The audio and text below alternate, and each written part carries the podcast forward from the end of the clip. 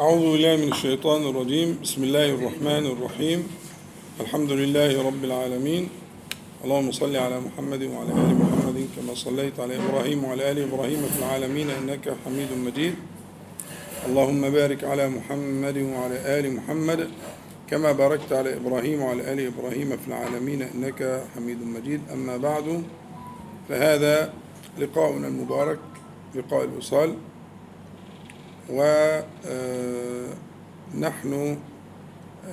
لا نزال نستفتح بتعوذات خير من تعوذ صلى الله عليه وسلم تأكيدا على معنى حاجة المؤمنين إلى أن يدخلوا في عوذ الله تعالى في كهف حمايته سبحانه وتعالى ودفعه وأنه لا يستغني أحد من خلق الله عز وجل عن هذا التعوذ وهذا الدخول في كهف الحماية الإلهية. خلق الله عز وجل تلك الشرور. نعم خلق الشرور ولكن خلقها ليلجئنا إليه. خلق الله عز وجل تلك الشرور الظاهرة والباطنة. الشرور منها ما هو ظاهر ومنها ما هو باطن. وأعلمنا بها. وأعلمنا بها جملة وعلى نحو من التفصيل. قل أعوذ برب الفلق من شر ما خلق ما نكرة تعم كل ما خلق سبحانه وتعالى في هذا الباب بالتعوذ. ثم خص بعد ذلك إيه؟ متعوذات. ومن شر غاسق إذا وقب ومن شر النفاثات في العقد. ومن شر حاسد إذا حسد. هذه الثلاثة تدخل في ما الأولى. لكن ثم غيرها غير هذه الشرور. من الذي خلق هذا الشر؟ الله سبحانه وتعالى. خلق الشر في هذه الحياة الدنيا ليلجئ عباده إليه. حالة اللجوء إلى الله تعالى والتعوذ به حالة من أرقى حالات العبودية. ما هو ربنا تبارك وتعالى قال وما خلقت الجن والإنس إلا ليعبدون. فمن أرقى حالات العبودية اللي هي من أرقى حالات تحقيق الحكمة من الخلق فالحكمة من الخلق أن نعبده. سبحانه وتعالى نتشرف بعبادته. فمن أرقى حالات أرقى حالات العبودية هذه الحالة.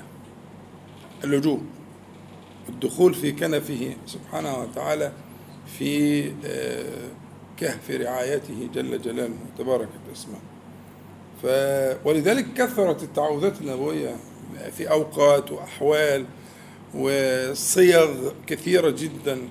وإحنا قرأنا إلى الآن إحدى عشرة صيغة من صيغ الاستعاذة النبوية. والليلة إن شاء الله نقرأ الصيغة الثانية عشر من صيغ تعوذ النبي صلى الله عليه وسلم وما صح عنه. في أحوال وأوقات كثيرة تغطي الليل والنهار.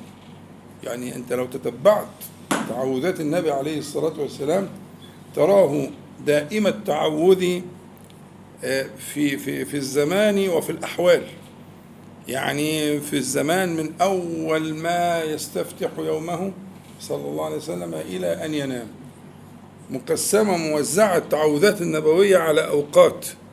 وكذلك في الأحوال. في الأحوال. في حال خروجه ودخوله في حال نومه في حال صلاته بعد صلاته في حال قراءته للقرآن الكريم. فتجد أحوال النبي صلى الله عليه وسلم كلها محصنة. محصنة بالتعوذات. وتجد أوقاته صلى الله عليه وسلم كلها محصنة بالتعوذات. وهذا من؟ هذا خير خلق الله. هذا هو الذي يعني غلب شيطانه أعانه الله عز وجل على شيطانه. فمن باب أولى إنما يصنع ذلك ليدل الأمة ليدل الأمة على ما يجب عليها في أوقاتها وفي أحوالها. فمسألة التعوذ ليست مسألة من مسائل المكملات ودليلها ما ترى أنها كانت مستصحبة مستصحبة في كل أحواله صلى الله عليه وسلم وفي كل أوقاته صلى الله عليه وسلم. تمام؟ آه، يعني ننزلها منزلته. كما كان الصحابة رضي الله عنهم يفعلون. ننزلها منزلته كثرة التعوذ آه، فيها ما فيها مما يعني بيناه كثيرا قبل ذلك في من الايه من العافية. لما يعني بيقع البلاء يعني تصنع اضعافا مضاعفة في دفع هذا البلاء صح؟ وحتى العامة وعندنا في المهنة يقولوا الوقاية خير من الإيه؟ من العلاج. العلاج مكلف. وقد ينفع وقد لا ينفع وقد ينفع مع بعض الناس وقد لا ينفع مع بعض الناس. طب وكان لازمته إيه أصلا؟ من دخل في هذا الحصن آه، حصنه الله تعالى وحماه. قولا واحدا. واخدين بالكم؟ فهي مسألة تحتاج لتذكير وذكر فإن الذكر تنفع المؤمنين. ونحن نحسبكم آه، من المؤمنين. التعوذ اللي معانا هذه الليلة من رواية آه، أبي بكرة أبو بكر من أصحاب النبي صلى الله عليه وسلم وله قصة كده في هذه في هذه الكنية إن هو نزل ببكرة وتدلى وإلى آخر القصة بس عشان ما على موضوعنا. هو ابنه اسمه مسلم. كان يرى يسمع والده كثيرا يقول اللهم إني أعوذ بك من الكفر والفقر وعذاب القبر. فأخذ ذلك عنه وكان يردده يعني آه، تأسيا بوالده. يدعو بها في دبر كل صلاة كما كان يفعل أبوه. فمر أبوه به وهو سمعه يدعو بهن آه، فقال يا بني أن عقلت هؤلاء الكلمات. أن يعني إيه؟ يعني كيف؟ أن كيف؟ تعجب يعني من جبت الكلام ده منين؟ الكلام ده عالي أوي. أن عقلت هؤلاء الكلمات. فقال يا, أبي يا أبتاه سمعتك تدعو بهن في دبر كل صلاة. فده ده يدل على نباهة الولد يعني. نباهة الولد. صلاح الوالد ونباهة الولد. مم. مسألة مهمة جدا.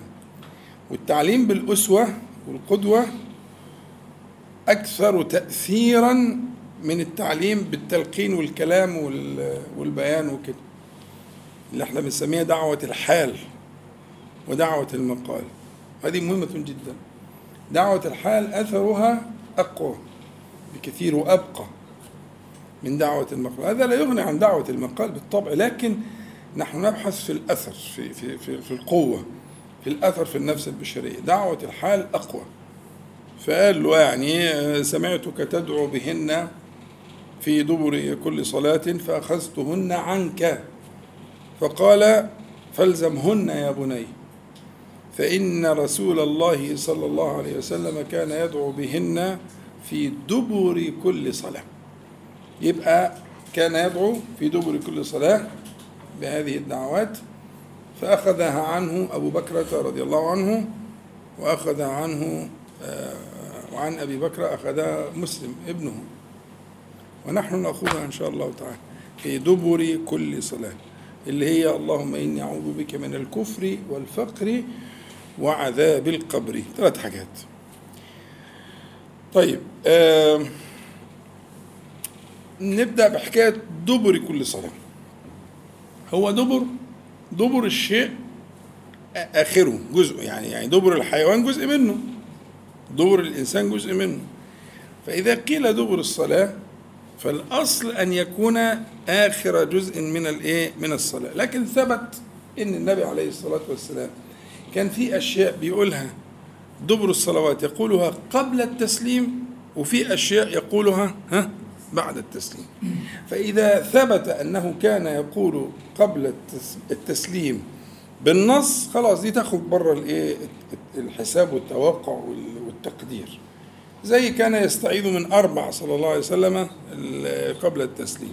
عذاب القبر إلى آخره اللي إحنا شرحناه. حلو قوي لكن إن قيل دبر الصلاة ولم يبين إن كان آه، قبل التسليم ولا بعد التسليم فبعض أهل العلم قال إن كان من التسبيح والتهليل والتكبير والتحميد وما في معناها فيكون بعد التسليم. وإن كان من الدعاء والطلب يكون قبل التسليم. على هذا تكون على هذه القاعدة يكون الاستعاذة بالله سبحانه وتعالى من الكفر والفقر وعذاب القبر هتكون فين؟ قبل التسليم. خلاص؟ يبقى دي هنضمنها للاستعاذات التي تكون قبل التسليم. وكثيرا ما كان النبي صلى الله عليه وسلم يطيل الزمان قبل تسليم الصلاة. كثيرا. فدي سنة. سيما إن كان منفردا. يعني إذا كنت لست إماما يعني. إذا كنت منفردا فمن السنة أن تطيل هذا الركن وإنك تراجع الأشياء المهمة. ها؟ الشيء اللي إحنا درسناه إحنا درسنا دلوقتي آه اثني عشر آه ذكرا. مظبوط؟ فانتبه شوف إيه اللي أثر فيك واللي إحنا اتفقنا نواظب عليه وأن تجعله بين تشهدك أو تحياتك وبين سلامك. ليه؟ لأن كما قلت لك هذا الوقت كان يطيله صلى الله عليه وسلم وأنه كان ذكر أنه مظنة الإجابة. يعني إيه؟ بعد الصلاة ترجى الإجابة. فكان فيبقى يضمن. لكن القاعدة دي قاعدة لطيفة وذكرها بعض أهل العلم وهي قاعدة جميلة. ما كان من جنس التسبيح والتحميد والتهليل والتعظيم وإلى آخره يبقى بعد الإيه؟ التسليم. وما كان من جنس الطلب والدعاء إلا أن يأتي نص. اللهم أنت السلام ومنك السلام تباركت هذا الجلال والإكرام. ده نص إن هو بعد التسليم. خلاص. لكن إذا ترك كده زي الحالة اللي معانا دي يبقى هنوظف الذكر اللي معانا ده فين؟ قبل التسليم. الذكر في استعاذة بالله سبحانه وتعالى من الكفر والفقر ومن عذاب القبر. اتفضل. بس ده معناه ان سيدنا ابو بكر كان الذكر عشان كده ابنه سمعه أي نعم. هيبقى في الصلاة قبل التسليم بيعلي الصوت. ما فيش مانع. طبعا في ناس بتشتكي بتقول ما بنسمعش الأسئلة سواء اللي معانا هنا أو اللي معانا هنا. فأنا اعيد السؤال. لا ده كويس سؤال كويس بس عشان الناس تسمعه عشان أحيانا الإجابة ما بتبينش السؤال كان إيه. يعني بيقول كيف سمع مسلم ابن أبي بكرة أباه في هذا الذكر فتعلمه فذكره ثم كيف سمع أبو بكرة رضي الله عنه آه ابنه فقال له من أين أتيت بهذا؟ سؤال جميل. أنا قلت لك إنه الحد بين الجهر والاصرار أن الجهر أن تسمع غيرك وأن الاصرار أن تسمع نفسك. لكن التالتة دي مش ذكر. فإن لم تسمع نفسك ولم تسمع غيرك فهذا سميته أنا إيه؟ ها؟ فكر. واحد بيفكر واحد قرأ الفاتحة ولم يصدر صوتا. ولا يبين الفرق بين الصاد والزاي وده كله كله زي بعضه. ده بيفكر في الفاتحة لكن لم يقرأ الفاتحة. لكن قراءة الفاتحة معناها أن يخرج صوتا. يسمع نفسه. قلت لك أنا في آلة سهلة جدا حط الحاجات اللي في الودان دي وإذا سمعت صوت مميز لأن ساعتها التوصيل هيكون عن طريق العظم مش عن طريق الهواء. وتوصيل العظم أقوى وأحسن وأنقى. الهواء لازم يخبط في حاجة ويرجع لك. صح؟ ولا إيه؟ مش درست ده في الفيزياء؟ لا ما هو كده. ما هو الصوت عبارة عن موجات. الصوت موجات بتخرج. فعشان ال ال الآلة دي تتلقاها لازم ترجع تاني لها. تمام؟ فلو انت سديت هذا المدخل من الأذنين الصوت هيوصل للجزء اللي بي اللي بيتلقى الصوت اللي هو عبارة عن الأذن الداخلية. هيتلقاها عن طريق العظم وتوصيل العظم نقي. ما فيش فيه تشويش وقريب. ولذلك تلاقي اللي بيقرأ المشايخ يجوا يحطوا إيديهم على ودانهم ليه؟ عشان يجيب النغمة بمنتهى الدقة ما تفوتوش حاجة. ويجيب الطبقة اللي هو عايزها بالظبط فبيسد ودانه. بقت مشهورة كده يعني كده. فأنت بقى لو الحاجات الحديثة بقى حطيت اللي هو الايربود ده وحطيته في ودنك كده هتسمع صوت جميل. لكن لازم تسمع صوت. لو ما سمعت الصوت يبقى حضرتك ما بتذكرش الله حضرتك متفكر من أهل الفكر. لكن لست من أهل الذكر. الذكر يعني حس. طب لو أنت مثلا في آه، في في نافلة أو في بيتك أو في نحو ذلك لا بأس أن يسمع من بجوارك لا بأس شيء بالعكس. يعني في في مصلحة حضور القلب وشهود الذكر وربما يكون فيها معنى الدعوة برضه تمام؟ آه ف آه، آه، أن تسمع من بجوارك أحيانا عن غير قصد ده داخل برضه في الايه فهي دي الحالة اللي كان فيها في صلاته في بيته. وإذا فعلت ذلك أنت في بيتك ففيه فيه من البركة وفيه من النفع ما فيه لأهلك وولدك. مصلحة كبيرة كويس إنك أنت لاحظت الملحوظة دي. أنا كنت ذكرت الكلام ده زمان يعني هو بعيده تاني لكن بدأت في أول في فكرة الفرق بين الفكر والذكر وأن الذكر لا يكون ذكرا إلا يكون تكون مسموع. وده مما يعينك على حضور قلبك. وشهود ما تسمع. فأنت تستخدم الآلات كلها وأهم آلة أهم آلة على الإطلاق من آلات الإدراك السمع. أهم من البصر. إن البصر ممكن يكون فاقد البصر ويكون من أذكى خلق الله ويكون عبقري الزمان. لكن لو فقد السمع لازم عنده درجة من درجات التخلف. قد يكون تخلفا كبيرا جدا إذا لم يراعى من البداية وقد يكون لو حصل تدريبه كده بس لازم يكون في درجة من درجات التخلف. أقوى آلة للإدراك هي السمع وأولها.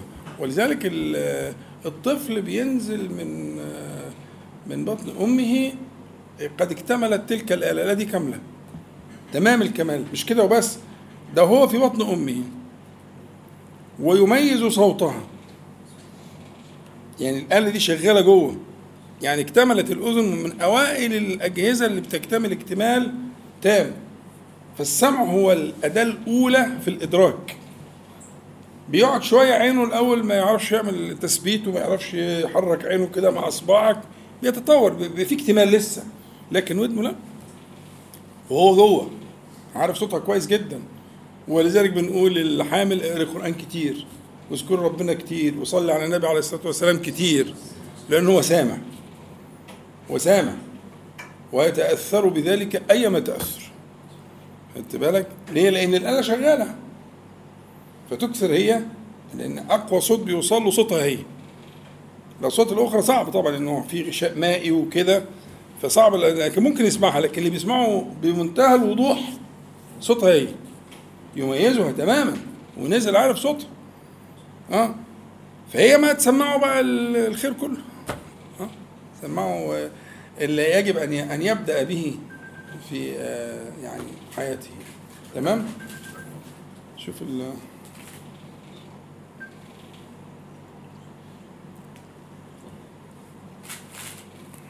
طيب ده سؤال الباشمهندس جاوبنا عليه أو جاوبنا عنه.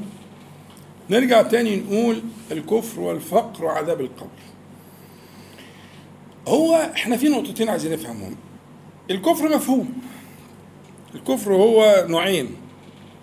آه، كفر أصغر وكفر أكبر والاستعاذه تشتمل الاثنين الكفر الأصغر اللي هو كفر بنعمة الله تعالى. فمن كفر بنعمة الله عز وجل هو الذي لم يشكره لم يقم بواجب شكره. ولا سبيل إلى استيفاء ذلك ولكن الإنسان يجتهد قدر ما يستطيع. كالحديث المشهور يصبح على كل سلامة من أحدكم صدقة. سلامة يعني مفصل. عدوهم كده طلعوا تقريبا حوالي 360 مفصل في البني آدم. فيصبح على كل سلامة من أحدكم صدقة. يعني شكرا. شكرا إن هو بيتحرك وبيروح وبيجي وما بيحتاجش حد يشيله ولا يحطه ولا يساعده ولا. والواحد لما بيمرض بيعرف قيمة الحاجات دي. الحاجات السهلة جدا. اللي هو كانش م- لا يعدها من النعم يذكرها بقى في اللحظة دي. محتاج مساعدة في أيسر الأمور. خدت بالك؟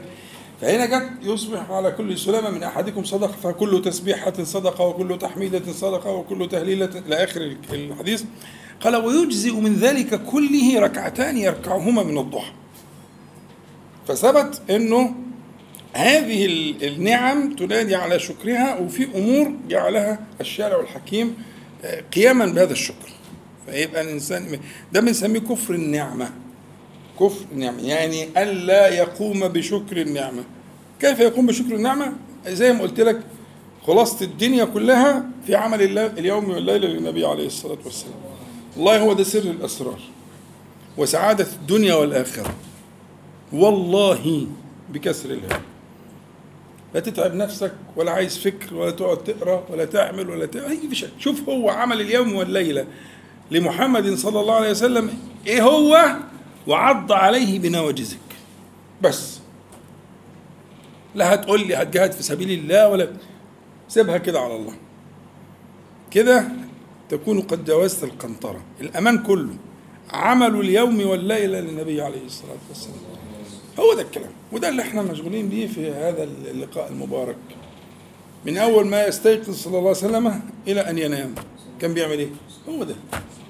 بعد كده نبني. ممكن بقى بعد كده يكون في مشاريع ضخمة في حياتك. لكن أن تفقد ذلك والله ما في قيمة لأي حاجة. ألا تعظم الأذان والله ما في قيمة لأي حاجة. اعمل اللي أنت عايزه. هات آخرك. عبث. لأن هذا الطريق هو هو الذي اختاره الله عز وجل لخير خلقه صلى الله عليه وسلم. هو ما ارتضاه. وبعدين ليه حكمة ربنا إن أهل العلم من أول الصحابة الكرام لغاية أيامنا يتحفظ ده بمنتهى الدقة ويتفصل ويش ها ويبين غاية البيان عشان إيه؟ لمن أراد أن يذكره أو أراد شكوره. هي دي الحقيقة. من غير فلسفة. موضوع بسيط خالص. من أول ما يفتح عينك لغاية لما تنام. هي القصة كلها مرسومة بالدقة الشديدة وهذا هو الذي نشتغل به. يبقى أعوذ بك من الكفر والفقر ومن عذاب القبر. حلو قوي الكفر قلت لك هم كفرين كفر أصغر وده الأخطر لكثرته. ذا كفر النعمة وذا كفر العشير. يا معشر النساء تصدقنا فإني أريتكن أكثر أهل النار. قيل بماذا إلى آخر الحديث مشهور طبعا. قال ويكفرن العشير. يبقى هنا الكفر العشير يعني إيه كفر النعمة اللي ربنا ساقها على إيد المسكين ده؟ يعني المسكين ده ربنا ساقها على ايديه هو ما نعمة من الله. بس يعني ال ال ال الطريق الذي سيقت منه هذه النعم كانت عن طريق هذا المسكين. فتقول له إيه؟ آه يعني يحسن لها الدهر كله فإذا يعني جاءه منها ما لا يرضيها تقول إيه؟ ما رأيت منك خيرا قط. هذا اسمه كفر العشير كفر النعم. ده مش كفر بالله عز وجل ولكنه سمي كفر إن المعنى المعنى اللغوي للكفر اللي هو التغطية الغطاء الكفر الغطاء. تمام؟ القسم الثاني بقى اللي هو الكفر الأكبر والعياذ بالله تعالى اللي هو الكفر بالله عز وجل. الا ينسب إلى الله عز وجل آآ آآ إنعامه وإيجاده وإنعامه على الخلق. فده مفهوم. السؤال بقى اللي عايز تفكير اللي هي فكرة الإيه؟ الفقر. من الكفر والفقر. إيه الفقر بقى؟ اللي بيستعيذ منه النبي صلى الله عليه وسلم كتير. ما هو الفقر؟ هو الفقر هل هو الفقر اللي هو إنما الصدقات للفقراء والمساكين والعاملين عليها؟ ولا إيه؟ الصواب أنه ليس كذلك لأنه وقع في خيار الناس حتى في الأنبياء. إن يقع أن يصيب بعضهم الفقر ولو يعني لزمان من الزمان. أمال الفقر ده إيه؟ وعندنا حديث في البخاري بيقول النبي عليه الصلاة والسلام بيقول من ضمن ما يقول يقول إنما الغنى غنى القلب. إنما الغنى غنى القلب وإنما دي تفيد القصر. يعني إياك أن تظن أن الغنى بكثرة العرض ولكن الغنى ها هو غنى القلب استغناء القلب الغنى غنى القلب أن يستغني القلب فده المنطوق يبقى المفهوم يقال وإنما الفقر؟ فقر القلب يبقى الفقر المقصود الذي يستعيذ منه النبي صلى الله عليه وسلم على الحقيقة؟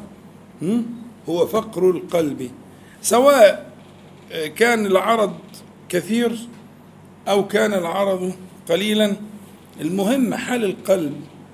يعني رب من لم يوسع الله عز وجل عليه ولكن قلبه في غنى. مستغني بالله عز وجل. ولا يتشوف ولا يتطلع ولا يمد عينيه إلى ما في أيدي الخلق. يكون مستغني. على فكرة ده مش قرار. يعني مش واحد يقرر إن هو إيه يصير غني القلب ده بالتوسل إلى الله تعالى والدعاء لأن القلب ليس ملكا لك. ودي من الخدع المهمة جدا أنت ينبغي أن تتنبه إليها. إياك أن تتصور أنك أنت تسير قلبك بقرار. قررت أنك أنت خلاص تستغني بالله عز وجل وخدت القرار فهتستغني. لا لا. إنما ذلك يكون بتوسلك إلى الله عز وجل أن يغني قلبك وأن تستغني به سبحانه وتعالى عمن سواه إنما الغنى غنى القلب. وكذلك الفقر هو فقر القلب. ممكن فقر الجوارح اللي هو العرض يتسرب إلى القلب. فيعمل إيه؟ يعمل المحظور بقى اللي هو بيستعيذ منه النبي عليه الصلاة والسلام. أن يصير القلب فقيرا لغير الله تبارك وتعالى. هذه المشكلة. وهو ده موضع الاستعاذة. موضع الاستعاذة أن تستعيذ بالله سبحانه وتعالى أن يتسرب الفقر إلى الإيه؟ إلى القلب. وأن يقل غناه يعني يقل استغناؤه بالله عز وجل. فينشد غناه في العرض في الدنيا في الجاه في المنصب في الوظيفة في المال في كثرة الولد في يستغني بقى يستغني كيف يستغني؟ هي دي بقى الايه؟ المشكلة الكبيرة جدا.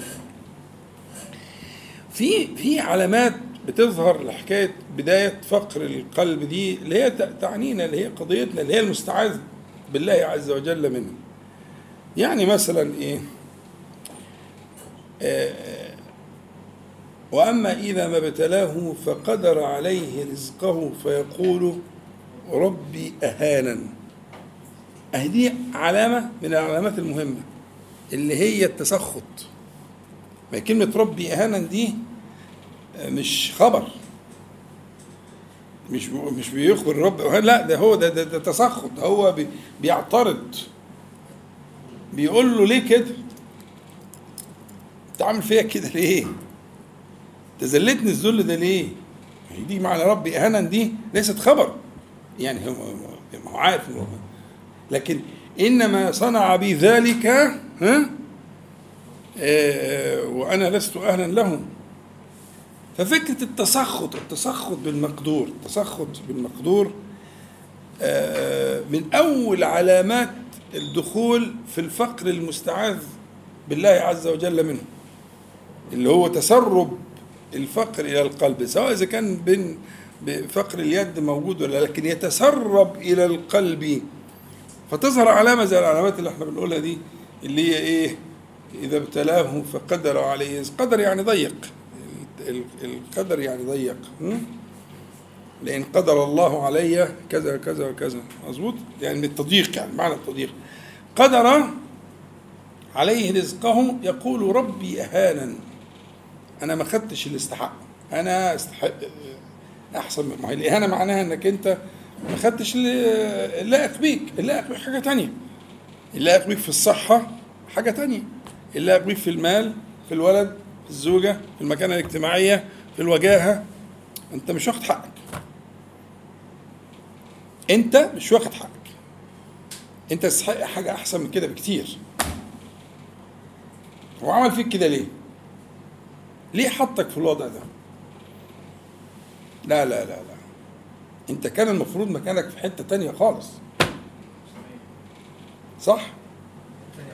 حتة تانية خالص. صحيح.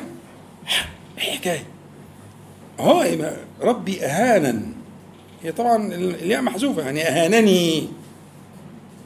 ما ادريش حقي. ربي جعلني فيما لا أستحق. أنا ما ده مش مكاني ابدا. ولا دي قيمتي. أنا قيمتي أعلى من كده بكتير. إيه ده؟ ليه كده؟ هو ده بقى الفقر المستعاذ بالله تعالى منه. ما تفتكرش الفقر الثاني اللي هو العرض الفاني ده؟ لا لا لا لا, لا. الفقر المستعاذ بالله عز وجل منه هو الإيه؟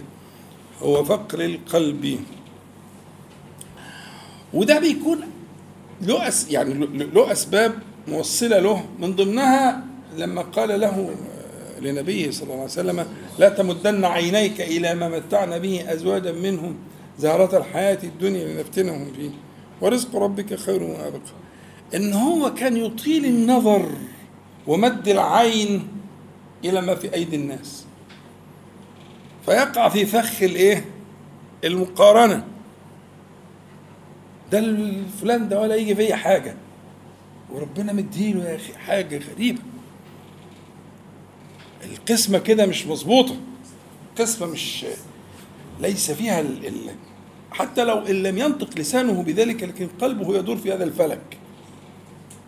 ده أداة. معاه مش عارف كذا وكذا من. من المال والولد. وأنا كده بالشكل ده. دي كان مقدمات. أدمن أدمن أن يمد عينيه إلى ما متع الله عز وجل به غيره. أدمنها. دائم النظر لما في أيدي الناس من صحة من مال من جاه من سلطان من عز؟ فيورثه ذلك التسخط. يورثه التسخط. على على على بالمقدور. يتسخر يتسخط بمقدور الله عز وجل. ويشعره بشيء من الذلة والانكسار.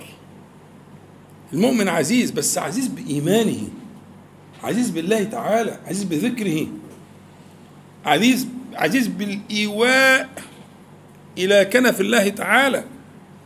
أنت لما بتقعد في المجلس ده تحس بعزة. عزة هي هي من الله تعالى من لجوئك إليه لجوئك إليه سبحانه وتعالى.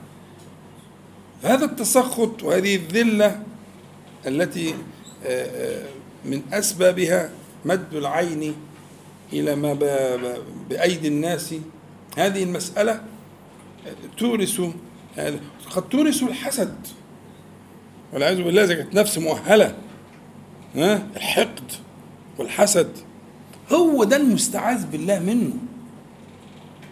ده الفقر المستعاذ الفقر الذي يورث هذه الأشياء. مش الفقر قلة العرض لا ربما يكون المرء قليل العرض ولكنه أغنى الناس. يكون أغنى الناس لقوله في البخاري ها إنما الغنى غنى القلب. يكون أغنى الناس. قلبه مستغني بالله تعالى بأسمائه وصفاته وذكره وحسن الظن به سبحانه وتعالى. لا يتسرب إلى نفسه أبدا سوء ظن بالله عز وجل. هو في حالة من ال من الايه من الفرح بالله تبارك وتعالى. فرحان بربنا.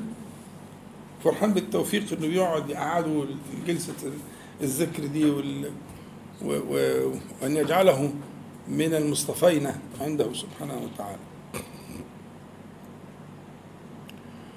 وإحنا الفقر اللي هو الفقر فقر اليد في حديث غريب جدا. النبي صلى الله عليه وسلم قلته قبل كده وشرحته بس إيه يعني نحتاجه الآن. إن الله لا يحمي عبده المؤمن الدنيا.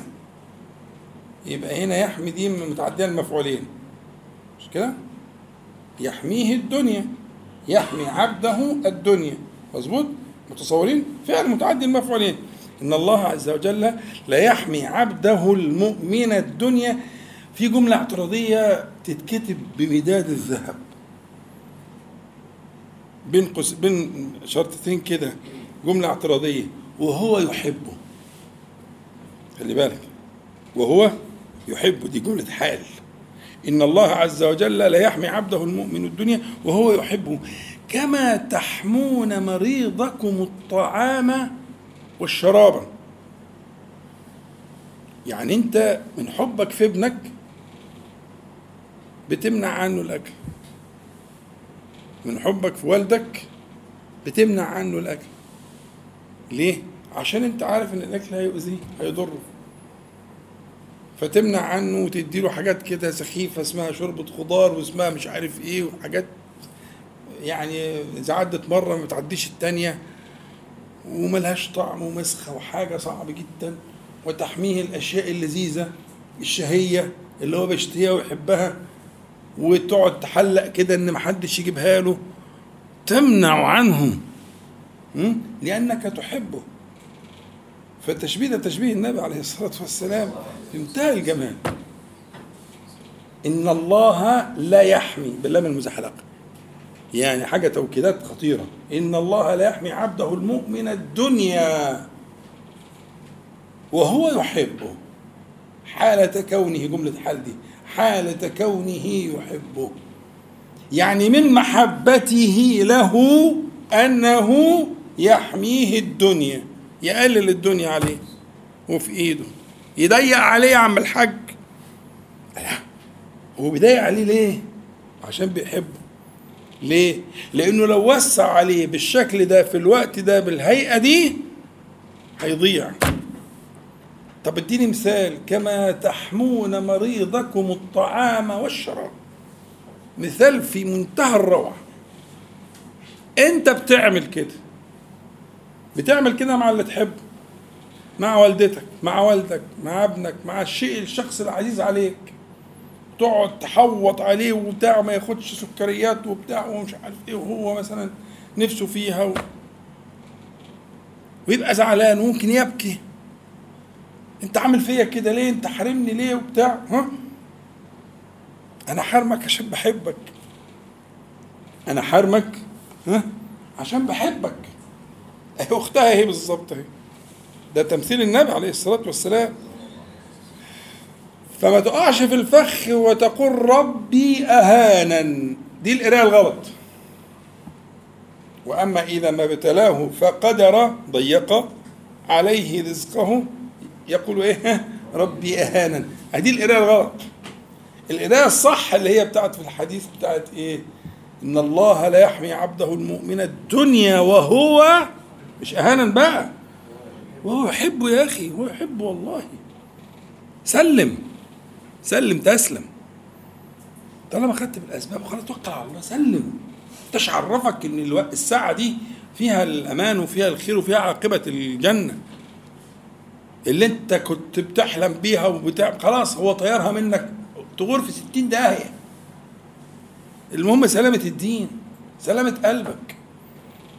سلامة حل اللي بينك وبينه والباقي كله مقدور عليه.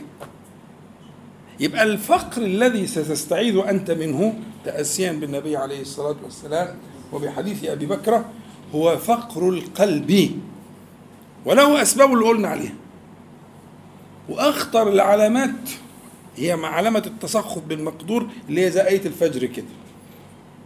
وأما إذا ما ابتلاه فقدر عليه رزقه يقول ربي أهانا ليه الذل ده رب؟ ف ودليله وطريقه اللي هي أن يمد عينيه إلى ما في أيدي الناس. هذا هو المال ورغم ده كله أنت محتاج إلى أن تتعوذ منه. اتفقنا على عوز الدخول في الإيه؟ في الكهف. لأنك أنت رغم ما, إدراكك العقلي ده لكن الإدراك العقلي لوحده مش كافي. ممكن تبقى فاهم وتطلع من الحصة دي مبسوط وفاهم إن الله لا يحمي عبده المؤمن الدنيا وهو يحبه وفاهم أنت الكلام ده كله. وبعد تيجي لك قرصة كده توجعك ملهاش حل غير إنك تقول زي ما هو كان بيقول في كل صلاة في كل صلاة. تستعيذ بس تكون فاهم بقى. فتقول الفقر تبقى فاهم أنت الفقر إيه؟ أن يفتقر قلبك. ولو افتقرت جوارحك فلا قيمة. لكن أن يفتقر قلبك لغير الله عز وجل. هيصير فقيرا لغيره سبحانه وتعالى. ساعتها هتستحضر المعنى ده وتفهم قيمة إنك أنت محتاج إنك تكرر. وطبعا على فكرة ده, ده من أذكار الصباح والمساء زي ما درسناه قبل كده. الكفر والفقر من عذاب القبر؟ دي من أذكار الصباح والمساء. فبتقولوا في السبع مجالس المباركة اللي قلت لك هم دول الإطار اللي يحفظوك إلى أن تلقى الله تعالى. هم سبع مجالس.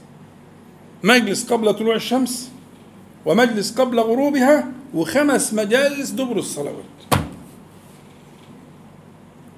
مستحيل مستحيل يصيبك شيء انت يضرك. يصيبك فيضرك. يصيبك ولا يضرك. يصيبك ويزيد إيمانك. مستحيل يقين قطع. ده هدي النبي عليه الصلاة والسلام. فأنت هتقول ده في في قبل طلوع الشمس وهتقوله قبل غروبها وهتقوله دبر كل صلاة. خلاص. انتهت. بس تعي المعنى. تستحضر معنى الكفر والفقر الذي تتعوذ بالله عز وجل منه. أن يصير البعيد فقيرا لغير الله عز وجل لغيره. فقيرا لجاه لمال لسلطان لشهوة. يبقى ذليل لها ولا يكون ذلك إلا بالله. وبهذا التكرار آه يتأكد المعنى وتتأكد الحقيقة في قلبك. اللهم إني أعوذ بك من الكفر والفقر ومن عذاب القبر. خدت قد إيه ثلاث ثواني أربع ثواني لكن حالة تانية في القلب. لو حضر هذا المعنى في قلبك دخلت في العوذ يقينا وفي الحفظ يقينا. وسع عليك ضيق عليك ما هي فرقه الحال القلب القلب سكن إلى الله عز وجل ورضي بقسمته واطمأن إليه واشتاق إلى لقائه. والله العظيم هيبقى عيشتك كلها إنك أنت مستني اليوم اللي تقابله فيه. ما أصل كله فا كله هين. هو هونه عليك. لما أنت أكثرت من ذلك ولجأت إليه في, في السبع مجالس اللي قلنا عليهم دول هيهون عليك. فيبقى كل اللي, اللي همك أن تلقاه. اشتقت إليه على ما شوقك هو سبحانه وتعالى من أسمائه وصفاته. من, من كثرة مطالعتك وذكرك لأسماء الله تعالى وصفاته في المجالس المذكورة المباركة دي اللي سبع مجالس قلت لك عليهم قبل طلوع الشمس وقبل غروبها ودبر الصلوات الخمس. أنت من كثرة الذكر تشوقت إليه فيبقى حالك حل متشوق إليه والدنيا من فاتك لكن الشوق إليه في في في لقاء أنت تترقبه وأنت شفت حنان ربنا قد إيه؟ إن الله لا يحمي عبده المؤمن الدنيا وهو يحبه. نفس الحنان اللي بقى عندك تجاه والدتك اللي كبرت في السن ولا والدك ولا ابنك الصغير ولا أنت عارف هو مش عارف. أنت مدرك الخطر وهو مش مدرك الخطر. وتقعد تتحايل عليه وتضيق عليه وتقفل هنا وتفتح مش عارف إيه عشان كل ده مش عايزه. وذلك من حبك والله سبحانه وتعالى له المثل الأعلى وده كان ده وصف النبي عليه الصلاة والسلام. يعني التمثيل كما كما تحمون كده كلام كما هنا. وطبعا التشبيه مبناه على وجه الشبه مش على المطابقة بين المشبه والمشبه به. قلنا الكلام ده 100 مرة قبل كده. عشان حد يفهم غلط. نقول كا كذا ده تشبيه. والتشبيه آيته في وجه الشبه وليس في المطابقة بين المشبه والمشبه به. تمام؟ فالفكرة هنا وجه الشبه هنا اللي هو الحرص. الحرص ومعرفة المصلحة والحنان والرفق والشفقة إلى آخره. كما تحمون مريضكم الطعام والشراب. فبالتالي يبقى إحنا كده عرفنا قيمة الإيه؟ ومع مع مع التأكيد على فكرة التكرار تكرار المبالغ فيه بصراحة يعني يعني لما تلاقي إنك أنت نفسك الحاجة بتتكرر في ذكر واثنين وثلاثه وأذكار الصباح وأذكار المساء وأذكار اللي دبر الصلوات يبقى لو قلت إنها كالماء لا تكون مبالغا كحاجة بدنك للماء لا تكون مبالغا ولو بالغت فقلت كالهواء فأنا معك لأن القلب لا يحيا بدون ذلك. لا يحيا القلب مكتئب متضايق متعفرت الدنيا مش عارف إيه هو ده السبب. راجع نفسك في السبع مجالس دول. لقيت خلل صلح. ولو صلحت هتهدى. وتذهب الكآبة. هم؟ تذهب الكآبة. ما أنا قلت لكم هما دلوقتي هما حاجتين. الخوف والإيه؟ آه يعني ما يتعلق بالزمان ال- القادم هو الخوف. أنا مش عارف بكرة في إيه. والحزن على اللي فات. هو ده الأب والأم. الأب والأم للمولود الحقير اللي اسمه الاكتئاب والإحباط. المولود الحقير ده له له والدان. والد متعلق بالزمان الماضي الحزن. يا دي النيلة كان يوم أسود اللي حصل فيه كذا وأنا كنت عملت إيه وليه ومش عارف إيه. ومعرفة البتاع ده كان كذا. ويا ريتني كنت عملت كذا وسويت كذا وبصري. ده اللي هو الإيه؟ الحزن على اللي فات. مظبوط؟ اللي أخطر منه بقى ده الأب بقى. اللي هو إيه؟ الخوف من اللي جاي. الهم من اللي جاي. هنعمل إيه في اللي جاي ده؟ وإزاي؟ و... الاثنين دول لما بيجتمعوا بيولدوا مولود في منتهى الخطورة. اسمه الإيه؟ الاكتئاب. أو الإحباط. أو اليأس من رحمة الله تعالى. أو القنوط كلها مصطلحات متقاربة بتؤدي المعنى واحد. مداومتك على تلك المجالس المباركة تعالج ذلك. لأن ده حاصل حاصل. لابد من حصوله. وأنت تدفعه بهذه الايه الأذكار وهذه الأوراد التي آه، آه، لم يستغن عنها خير خلق الله صلى الله عليه وسلم. فإن كان هو هو صلى الله عليه وسلم لم يستغني عنها فما بالك بأمثالنا؟ فإن شاء الله يعني نعقد العزم على كل ما نضيفه من تلك الأوراد بعد ما قلنا أوراد ال- الصلوات وطرفي النهار وكده. والنوم ذكر النوم برضو مهم جدا. هذه الاستعاذات مهمة جدا وهذا الاستعاذة هو الاستعاذة الثانية عشر وهي أن تستعيذ بالله سبحانه وتعالى من الكفر والفقر ومن عذاب القبر. نسأل الله تعالى أن ينفعنا جميعا بما قلنا وما سمعنا أن يجعل حجة لنا لا علينا رب العالمين. اللهم صل على محمد وأنزل المقعد المقرر منك يوم القيامة. استراحة قصيرة كده ونعود إن شاء الله. تفضل أعوذ بالله من الشيطان الرجيم. بسم الله الرحمن الرحيم. الحمد لله رب العالمين. اللهم صل على محمد وأنزل المقعد المقرر منك يوم القيامة. أما بعد إن شاء الله آه، يعني كلمة ليست بالطويلة. ثم نفتح الباب لمن أراد آه، سؤالا. آه، شاء الله نجاوب على الأسئلة إن شاء الله. تعالى آه، بسم الله الرحمن الرحيم. نحن آه، لا نزال في مسألة سميناها كده اصطلحنا عليها هي إيه؟ تجارة الناصحين. تجارة الناصحين.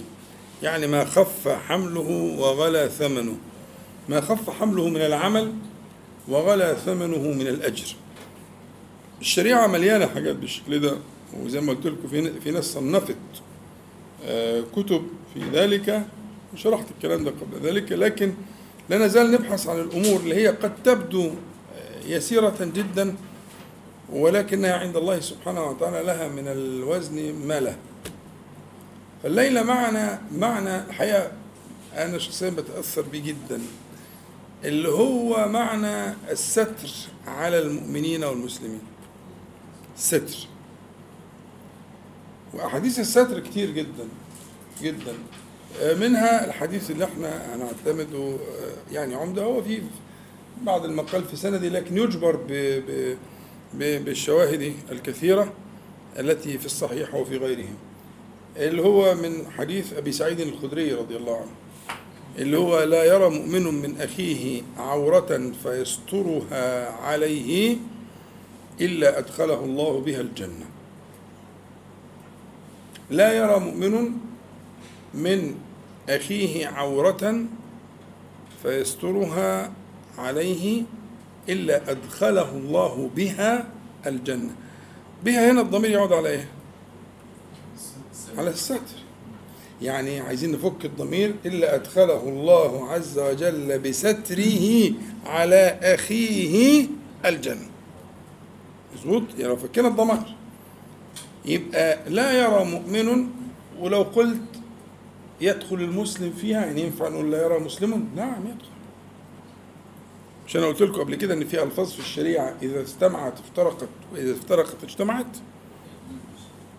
لما يجتمعوا يبقى كل واحد له معنى. قالت الأعراب آمنا قل لم تؤمنوا ولكن قولوا ها؟ يبقى الإيمان هنا له معنى والإسلام له معنى. يا أيها الذين آمنوا يدخل فيها يا أيها الذين أسلموا آه يدخل فيها. لأن متقاله لوحدها. فإذا كانت آمنوا لوحدها يدخل معاها أسلموا. أسلموا لوحدها يدخل معاها آمنوا. لكن لما يجوا الاثنين في سياق واحد يبقى إيه؟ ها؟ اتفقنا؟ آه. يبقى كل واحد يستقل بمعنى. وعملنا لها قاعدة كده لطيفة. إذا اجتمعت افترقت. إذا اجتمعت في النص افترقت في المعنى. وإذا افترقت في النص اجتمعت في المعنى. فيعني الحديث هنا لا يرى مؤمن من أخيه لو شلتها وحطيت لا يرى مسلم يدخل ولا ما يدخلش يدخل. لا يرى مسلم من أخيه آه، عورة فيسترها. يسترها عليه إلا أدخله الله بستره على أخيه الجنة. الجنة مرة واحدة. آه الجنة. بمجرد إنه ستر عورة مؤمن آه والله. وأكتر من كده كمان وهتشوف. ده الموضوع كبير. لا ده كبير أوي. كبير جدا. عارف هو كبير ليه؟ لأن الله عز وجل حيي ستير. دي من صفات الله تعالى وأسمائه. ربنا سبحانه وتعالى متصف بهذه الصفات وتسمى بتلك الأسماء المباركات. فلأنه كذلك فيحب من عباده ذلك. ومن فعل ذلك من عباده الراحمون ها يرحمهم الرحمن. ارحموا من في الأرض يرحمكم من في السماء. هي دي كده القاعدة. هتستر على عيال الله تعالى هيسترك. هتحن عليهم هيحن عليك. هترحمهم هيرحمك. هتعفو عنهم ها هيعفو عنك. هتتجاوز هيتجاوز. هتحقق وتدقق انت حر بقى. انت حر. انت اللي اخترت كده. مش هتفوت. هتحاسب على الصغيرة قبل الكبيرة. انت اللي اخترت كده. هتجيب زوجتك تقول تعالي. انت قلتي وعملتي وساعات كذا. لا لا لا لا ما أنا فاكر كل حاجة. كل حرف فاكره. لا مش فاكره. ده أنا كاتب. والله بيجيني ناس كده اقسم بالله. والله العظيم جالي واحد مالي كشكول 120 ورقة. والله والله العظيم. كشكول 120 ورقة.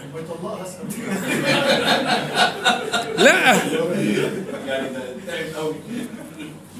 يعني ولو كان عايزني اقعد أسمع. بس الحمد لله لما في المعاني الجميلة دي. آه. أنا فاهم. بالحرف وبالكلمة و... يعني انت عايز يعاملك كده يعني؟ عايز يعاملك كده؟ طب ما انت صحيفتك متسجل فيها كل هنة كل خطرة. بتسجل فيها كل فكرة. انت عايزه يعفو ولا انت عايز آه، التانية؟ عامل عبادة كما تحب أن يعاملك. وأحسن كما أحسن الله إليك. هنا الكاف قلت لك خلي بالك أوعى تفكر إن في زي إحسان الله أبدا. لا ده وجه شبه بس اللي بينهم وجه شبه. أحسن أنت ليهم وشوف هو يحسن لك إزاي. بما لا يخطر لك على بال. يعني كن من المحسنين لعباده سيحسن إليك بما لا يخطر لك على بال. فأنت لما سترت كافأك الجنة. إلا أدخله الله الجنة. خدت بالك؟ ومن ستر مسلما كما في الصحيح ستره الله في الدنيا والآخرة. يبقى في هنا كان مكافأة زائدة في الحديث الثاني ستره الله في الدنيا والآخرة. وستر الآخرة العفو. ستره ستر عيبه اللخبطة وال... كل ده هيستره. وتبقى كأنه مكان. ده في الآخرة. وفي الدنيا يستره.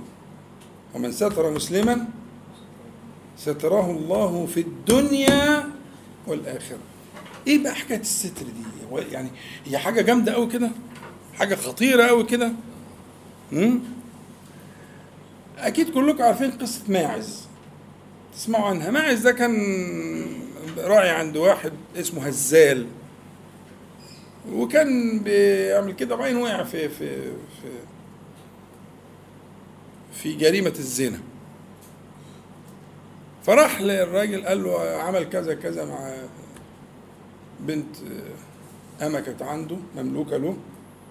فقال له روح للنبي عليه الصلاة والسلام. فالنبي صلى الله عليه وسلم قعد يقول لي انت انت, عملت إيه؟ انت مش فاهم. وبيفهم هو ده مش عارف إيه. قعد يجد له طريقا. فلما جاله هزال الشاهد بقى القصص لها طويلة وفيها عبر وأحكام كتير جدا قد نفرد لها وقتا. لكن ال- ال- العبارة اللي تهمني جدا لما هزال اللي هو اللي قال له روح للنبي عليه الصلاة والسلام راح لحضرة النبي عليه الصلاة والسلام فقال له يا هزال لو سترته بردائك لكان خيرا لك. الرداء اللي هو الجزء العلوي ده. الإزار الجزء السفلي. يعني لو ما لقيتش حاجة تستره بيها غير إنك أنت تخلع ردائك وتستره بيه كان خيرا لك. أنت بعته للإمام ليه وبلغت عنه ليه؟ إذا بلغ الإمام خلاص لازم يمشي القضاء. لكن الأحسن إنك أنت كنت سترته ولو بردائك إن لم تجد شيئا تستره به سترته بردائك ويتوب ويستغفر وتعدي المسألة. لكن بلغت الحاكم بلغت ال... ها؟ يبقى لابد من الايه من القضاء. العجيبة في ال... في التدقيق في كل روايات الحديث قال خيرا ها؟ ها؟ لك مش له. أنا ظنيت إن أنا خطأ مطبعي أو إن أنا فاهم غلط أو حاجة. فقعدت أدقق وأبحث لغاية ما تأكدت يقينا إن جميع الروايات كان خيرا لك. لهزال مش لماعز. طب إزاي بقى؟ عايز حد يساعدني في دي. آه.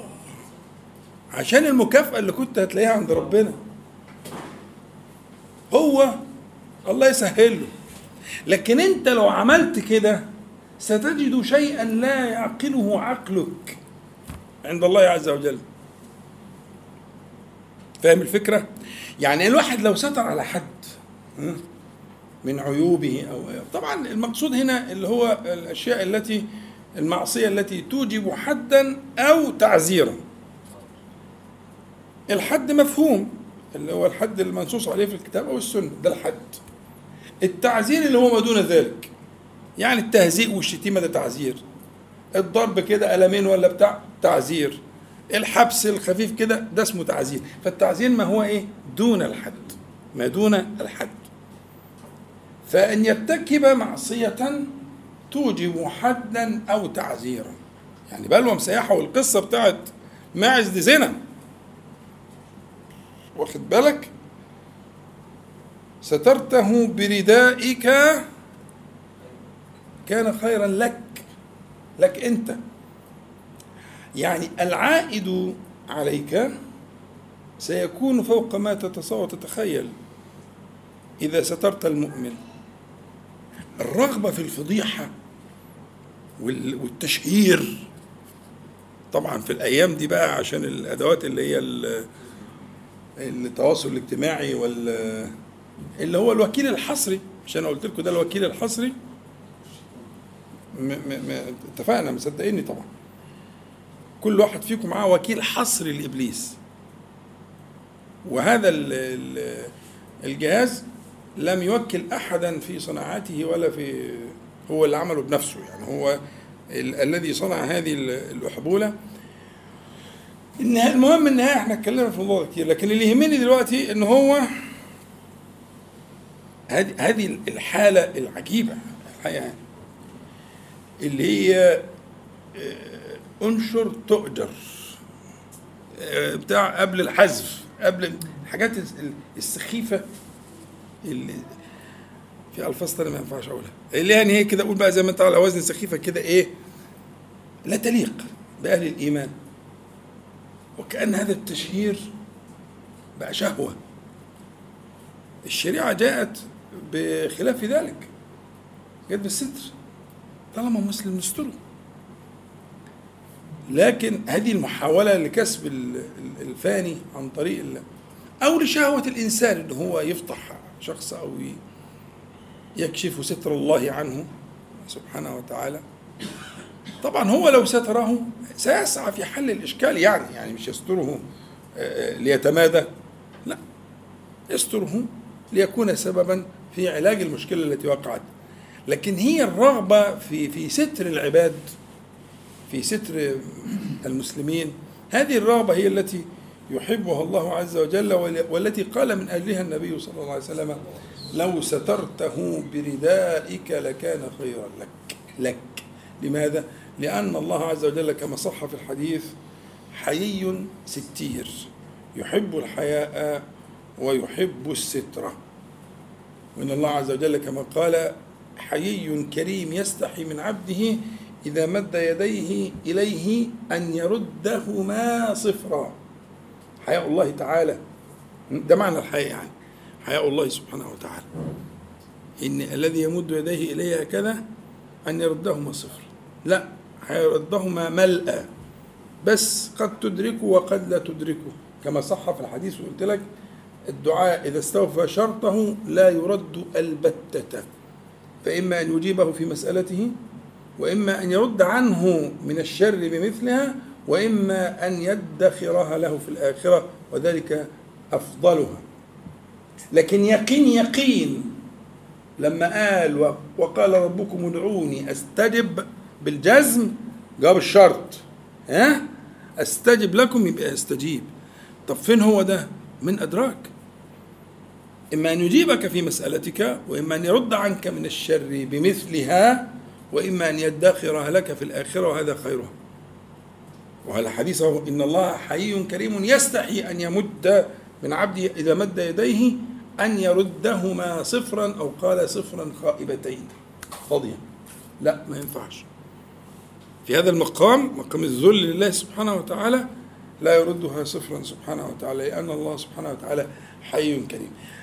فاسم الله تعالى الحيي واسم الله تعالى الستير فيهم تلازم لأن الله عز وجل يحب الحياء ويحب الستر ويحب من عباده من اتصف بالحياء ويحب من عباده من اتصف بالستر أن يكون حريصا على الستر. وألا يستجيب لتلك الشهوة الحقيرة اللي هي شهوة الإيه؟ شهوة التشهير وال و, و, و يعني رغبة في في لابد الإنسان أن إيه؟ ينتبه إليها وأن يجهدها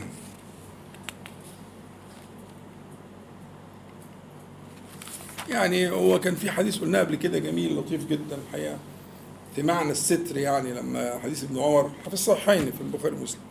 لما آه، كان بيطوف معاه واحد من التابعين من اللي بيسأل ابن عمر يعني فيقول له هل سمعت في النجوى شيء يعني من النبي عليه الصلاة والسلام؟ قال نعم. آه، إذا كان يوم القيام أدنى الله عز وجل العبد منه حتى يجعله أو حتى يجعله في كنفه في كنفه. فيقرره بذنبه فعلت كذا يوم كذا فيلتفت يمنة ويسرى الدنيا, الدنيا فضيحة. كل حاجة بقى ما فيش حاجة راحت. فيقول له لا عليك. إنه لا يراك غيري. إنك في كنفي. فيقرره بذنبه. خلي بالك معنى الستر بقى. اتعلموا عشان إحنا هن عايزين يعني نتخلق بتلك الأخلاق والحاجات دي محكية عشان أنا وانت يلتفت يمنة ويسرى فيقول لا عليك لا عليك.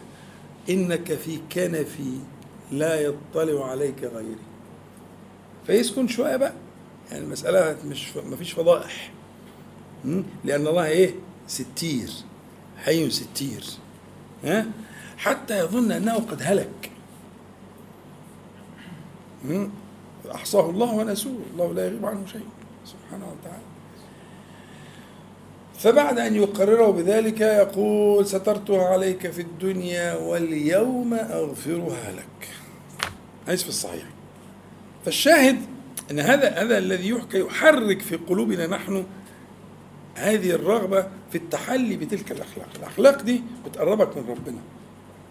سيما لو ذكرت أنك تفعل ذلك لوجهه وأن العائدة ها لك. حاجتين هم أنك تفعل ذلك لوجهه سبحانه وتعالى لأنه يحب ذلك. لأنه هو هو حي ستير. يبقى تفعل ذلك ها؟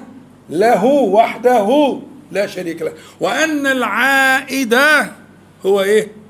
لك. عجيبة أوي بصراحة عجيبة أوي.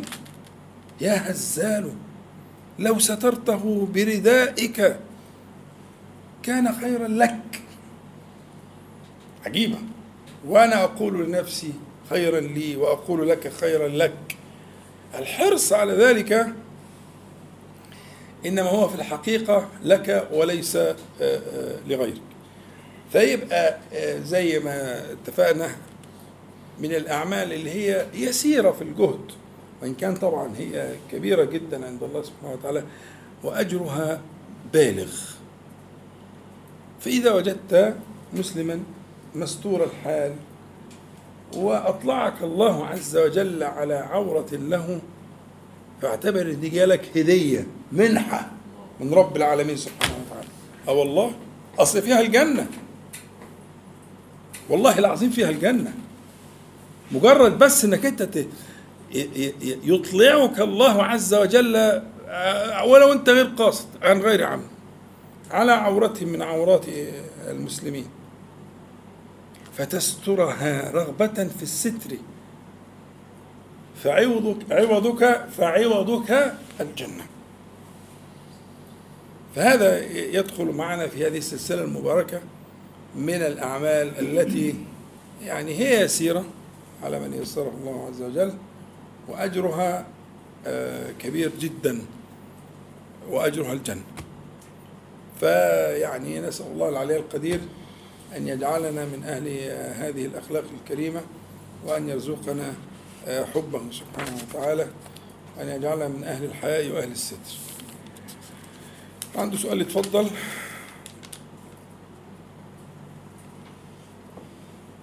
بيقول ما الصفة التي اختص بها سيدنا عثمان بن عفان حتى إن الرسول صلى الله عليه وسلم زوجه ابنتيه؟ ولو كان عنده ثالثة لزوجه. كمان أضيف لك فوق كده كمان. لا طبعا هو عثمان رضي الله عنه كان يعني يعني كانت تستحي منه الملائكة. يعني النبي عليه الصلاة والسلام كان في ركية بئر كده له سور وفي مية وجالس وقد أدلى لله الشريفتين. فاستأذن أبو بكر فأذن له فدخل وكان كاشفا عن فخذيه صلى الله عليه وسلم. ثم استأذن عمر فأذن له فدخل وكل واحد فيهم جلس جنبه. ثم استأذن عثمان فغطى فخذيه صلى الله عليه وسلم. غطى فخذيه. فلما سئل قال ألا أستحي من رجل تستحي منه الملائكة؟ لا عثمان يعني سيرة عثمان رضي الله عنه الإجابة على دي إن إحنا نعمل آه دراسة سيرة عثمان. لأن عثمان مظلوم مظلوم في التاريخ في مسألة السياسة الشرعية وخد الأمة في حين إن هو يعني ربنا أجرى على يديه من الخير. لهذه الأمة ما لا يدركه إلا من يعني شرفه الله تعالى بذلك. فطبعا عثمان كان شخصية من أعجب ما يكون حتى في الجاهلية. يعني هو المكونات الجبلية. المكونات الجبلية لتلك الشخصية من أعجب ما تكون. فسيرته عجيبة جدا يعني. فلو حبيتوا نبقى نقعد مرة. يعني هو من أحسن ما كتب في كده اللي كتبه الدكتور الصلابي. الدكتور الصلابي عامل سلاسل لكل السيرة كلها والتاريخ الإسلامي وكده عبارته سهلة ولذيذة كتاب محترم كده. فمن أراد أن يطالع فليطالع سيرة الصلابي التي كتبها في عثمان وبيتحرى الدقة إلى حد كبير والصحة وإلى آخره في الرواية وكده. طبعا قصة الفتنة الكبرى وأنه قتل آه، رضي الله عنه والفتنة التي حصلت في أيامه وإلى آخره. فالشاهد أنه آه، الإجابة على هذا السؤال هي سيرته قبل الإسلام وبعد الإسلام. ما ضر عثمان ما فعل بعد اليوم.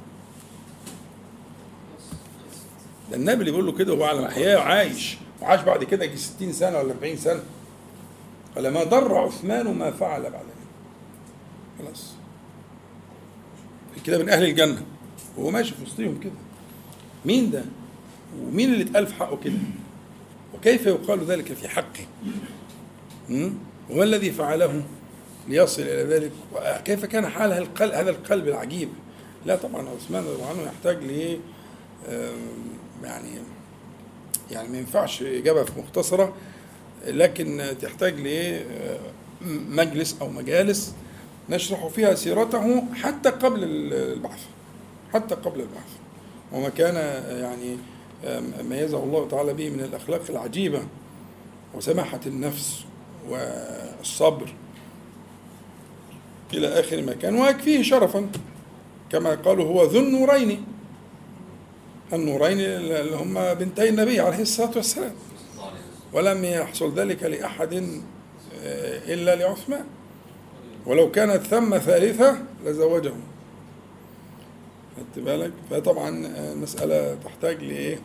لشرح. لكن هي باختصار ما أودع الله عز وجل في قلبه من النور. أودع الله تعالى في قلبه من النور الفطر الجبلي. ثم جاء نور الإسلام فحصل ما حصل وأظهر ما هذه ولذلك النبي عليه الصلاة والسلام كما في البخاري وغيره يقول الناس معادن كمعادن الذهب والفضة والحديد. خيرهم في الجاهلية خيرهم في الإسلام إذا فقهوا. هو ده المقصود يعني. يعني في واحد ذهب وفي واحد ألماظ وفي واحد صفيح. واخد بالك؟ آه صفيح مصدي. في كده وفي كده الناس كده وكده. فالذهب ده لما يعني يشرفه الله تعالى بنور الإيمان لا يبقى حاجة تانية خالص. هو كذلك يعني يحسبه كذلك يعني. نذكر الله احدا كان معدنا نفيسا جدا. وعشان كده بقول لك مهم إن إحنا نتكلم شوية على مسألة ما قبل الإيه؟ البعث. كان معدنا نفيسا جدا وهو من السابقين الأولين من أوائل من أسلم. عثمان. وهذا المعدن النفيس جاء الإسلام فأظهر ما فيه من تلك النفاسة. خيرهم إذا فقهوا يعني نورهم الله تعالى بالإسلام. هو كذلك. فهتحتاج المسألة لشرح بعض الأشياء الثابتة بالسند الصحيح عنه. في مرحلة ما قبل الإسلام ثم ما جاء بعد ذلك من الأعاجيب التي صنعها في المراحل المختلفة إلى أن صار خليفة للمسلمين. طيب نكتفي على هذا المقدار. والله تعالى أعز وأعلم ونسأله تبارك وتعالى أن ينفعنا جميعا بما قلنا وما سمعنا وأن يجعله حجة لنا. لا علينا يا رب العالمين وأن يعيذنا وإياكم وسائر إخواننا من المسلمين والمسلمات من شرور أنفسنا ومن سيئات أعمالنا ومن فتنة القول والعمل. اللهم اقسم لنا من خشيتك ما تحول به بيننا وبين معاصيك ومن طاعتك ما تبلغنا به جنتك ومن اليقين ما تهون به علينا مصائب الدنيا. اللهم متعنا بأسماعنا أبصارنا وقوتنا ما أحييتنا. واجعله الوارث منا واجعل ثأرنا على من ظلمنا انصرنا على من عادانا ولا تجعل مصيبتنا في ديننا ولا تجعل الدنيا أكبر همنا ولا مبلغ علمنا ولا تسلط علينا من لا يرحمنا. اللهم ربنا آتنا في الدنيا حسنة وفي الآخرة حسنة وقنا عذاب النار. اللهم صل على محمد النبي وأزواجه أمهات المؤمنين وذريته وأهل بيته كما صليت على آل إبراهيم إنك حميد مجيد. والحمد لله رب العالمين. نقول جميعا سبحانك اللهم ربنا وبحمدك أشهد أن لا إله إلا أنت أستغفرك وأتوب إليك. السلام عليكم ورحمة الله.